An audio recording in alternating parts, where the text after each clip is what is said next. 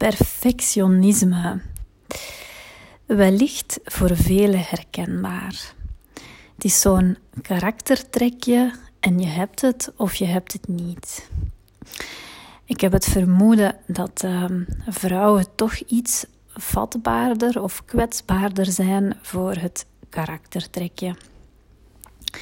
We moeten op vele vlakken de ballen hoog houden.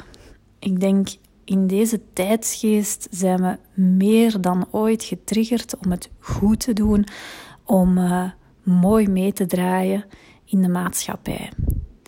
En onder de druk van de maatschappij voelen we toch al wel eens sneller ons perfectionistisch kantje naar boven komen. En zoals ik al zei, je hebt het of je hebt het niet. Het is een karaktertrekje. Um, ik zie het in mijn praktijk heel vaak terugkomen bij de brave, plichtsbewuste, trouwe mensen, um, gevoelige mensen, empathische mensen. Dat zijn zo de types waarin je zeker zal herkennen dat perfectionisme zich toch al eens laat van zijn slechtste kant zien. Want daartoe kom ik vandaag. Het is een hele mooie karaktereigenschap. Um, ik denk dat heel veel mensen het wel weten nog uit hun kindertijd. Ze werden gelauwerd omdat hun tekening mooi binnen de lijntjes was, omdat ze op tijd klaar waren, omdat ze braaf in de rij liepen, uh, letterlijk en figuurlijk wellicht. Um, en tot op zekere hoogte is dat ook wel mooi. Hè? Dat siert de mensen om uh, ja, mooi mee te draaien en um, om niet te lastig te doen, om ervoor te zorgen dat de deadlines altijd gehaald worden. Dat zijn ook hele toffe mensen om mee samen te werken. Dat is geweldig. Voor een maatschappij zijn zo die plichtsbewuste, die, die trouwe mensen heel interessant. super interessant um, in deze maatschappij. Maar anderzijds is perfectionisme voor de persoon zelf interessant tot op een zekere hoogte. Want wanneer krijg je last van jouw eigen perfectionisme? En dan kom ik terug op de titel. Als jouw perfectionisme faalt. En het zal niet rap falen voor de maatschappij, hè, want dat is leuk om iemand aan je zijde te hebben. Een, eh, een collega die het supergoed doet, die plichtsgetrouw is, die eh, alles tot in de puntjes kan uitwerken. Um, of een mama voor de kindjes die alles steeds mooi klaarzet. Hè. Dat geeft een, een zekere rust voor alle mensen rondom ze. Maar voor zichzelf geeft dat niet altijd de rust die ze verdienen of verlangen. Um, het nadeel voor de mensen zelf is die grote druk en het ontaarden van perfectionisme naar faalangst en schuldgevoelens. Want die stiptheid en punctualiteit elke dag op zoveel vlakken nastreven, ja, dat geeft stress, dat kan niet anders. En dan kom ik naar mijn domein op vlak van lichaam, voeding en dieet. En daar wil ik dan iets over vertellen. Lichaam. Een perfect lichaam bestaat niet. Ik denk dat het ook heel subjectief is. Wat voor jou perfect is, is dan voor iemand anders weer niet perfect.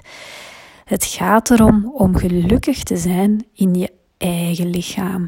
Niet te veel rondkijken, niet te veel gaan vergelijken, oordelen, beoordelen, maar vooral proberen je goed in je vel te voelen in je eigen lichaam. Ik kom het ook al eens tegen, meer dan eens eigenlijk, dat uh, mensen naar een bepaald gewicht streven en eens er dan zijn, hadden ze gehoopt om supergelukkig te zijn. Maar uiteindelijk is gewicht ook maar een getalletje op de weegschaal. En natuurlijk voel je je anders in je kleren met een lager gewicht. Maar het is niet alles. De mindset die je hebt, die is veel belangrijker dan het getal op de weegschaal zelf. En wees gerust, we gaan altijd iets vinden aan ons lichaam wat we minder mooi en minder goed vinden. Terwijl dat dikwijls ja, slecht subjectief is en voor iemand anders net wel heel mooi. Dus perfectie, ja, daar is gewoon ook geen definitie rond, omdat het ook gewoon zo persoonlijk is. Ik denk daar dat het belangrijk is, nogmaals, om content te zijn met jezelf en met je lichaam. Dan dieet. Ik vind dat al een slecht woord. Laat me daarmee beginnen. Dieet, dat geeft voor mij altijd een negatieve connotatie. Het geeft mij het gevoel van je moet een schema volgen, je moet het volgens een, het boekje doen, je moet, je moet, je moet. En alleen al van te moeten, daar zou een mens stress van krijgen. Want bij onze perfectionisten gaat al sowieso al een, een ja, negatief gevoel opleveren. Gaan we daar al klaarstaan in een actie-reactiemodus. Dus dieet, ik gebruik het liever niet zo graag, het woordje.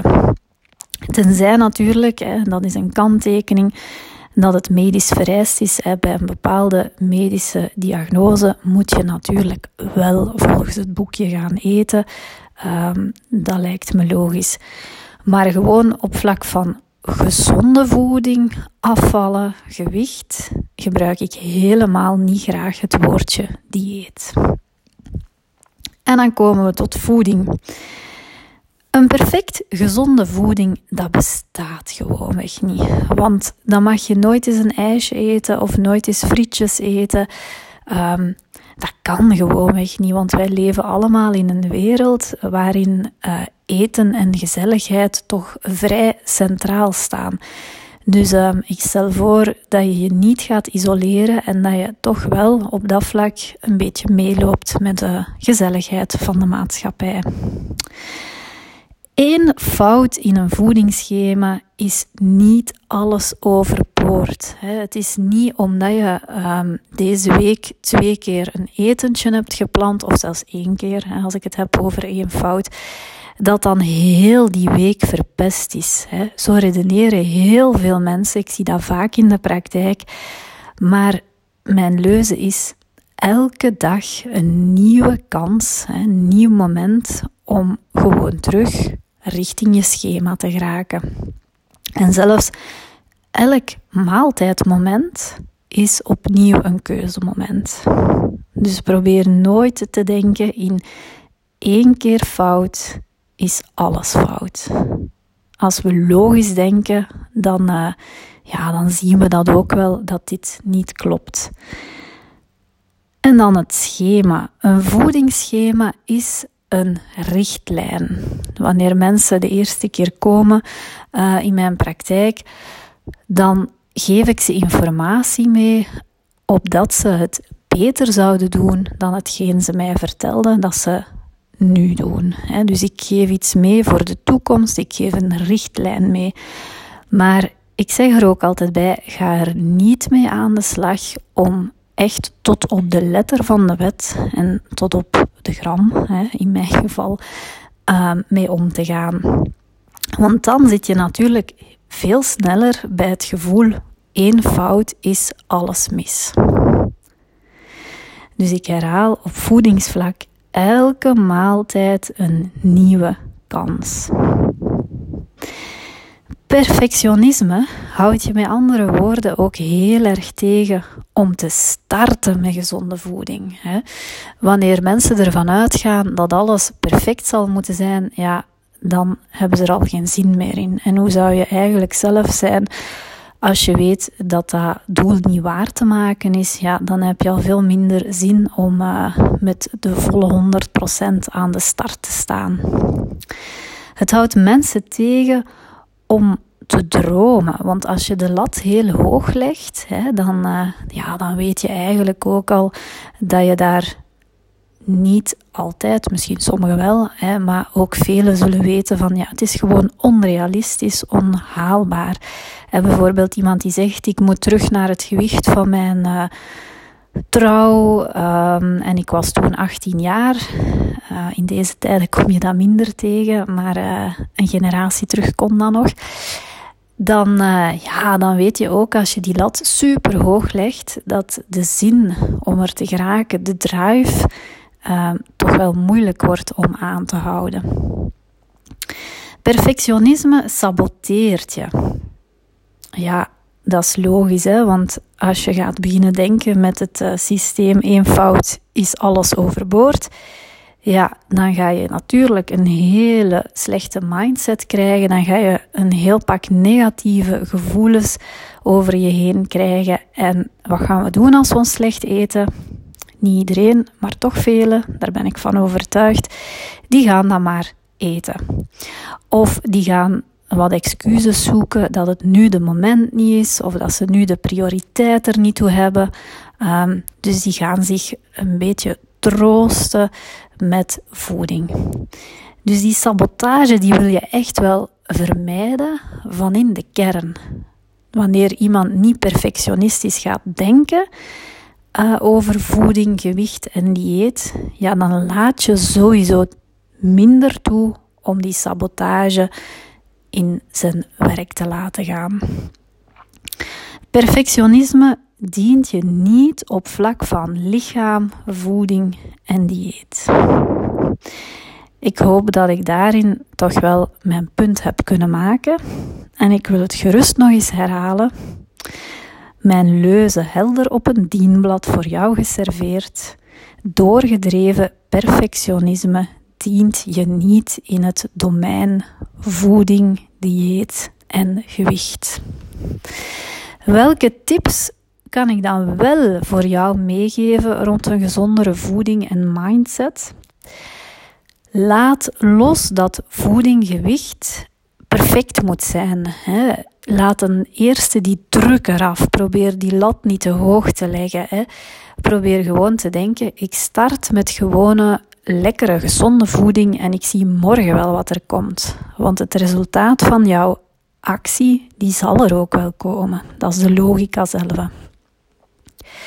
Ten tweede, ga voor een voedingsgedrag dat bij je past. We moeten niet gaan doen wat de buurvrouw doet. Uh, ik denk dat je zelf heel persoonlijk moet gaan aanvoelen tot waar jouw grenzen liggen. Want ook die, die zijn voor iedereen anders. Hè. Sommige mensen die kunnen um, nogal eens een tandje bijsteken, die kunnen iets strenger voor zichzelf zijn. Is dat beter? Niet altijd, hè, want uh, zoals iedereen weet is traag en gestaag um, je voeding aanpassen en ook je gewicht verliezen nog steeds het beste. Maar dus ga voor een voedingsgedrag dat bij je past op lange termijn. Start dus niet met extreme of met zwart-wit lijsten, want daarvan weet je dat die lange termijn ook niet toepasbaar gaat zijn. Dus rustig aan en voor een gezond voedingsgedrag gaan.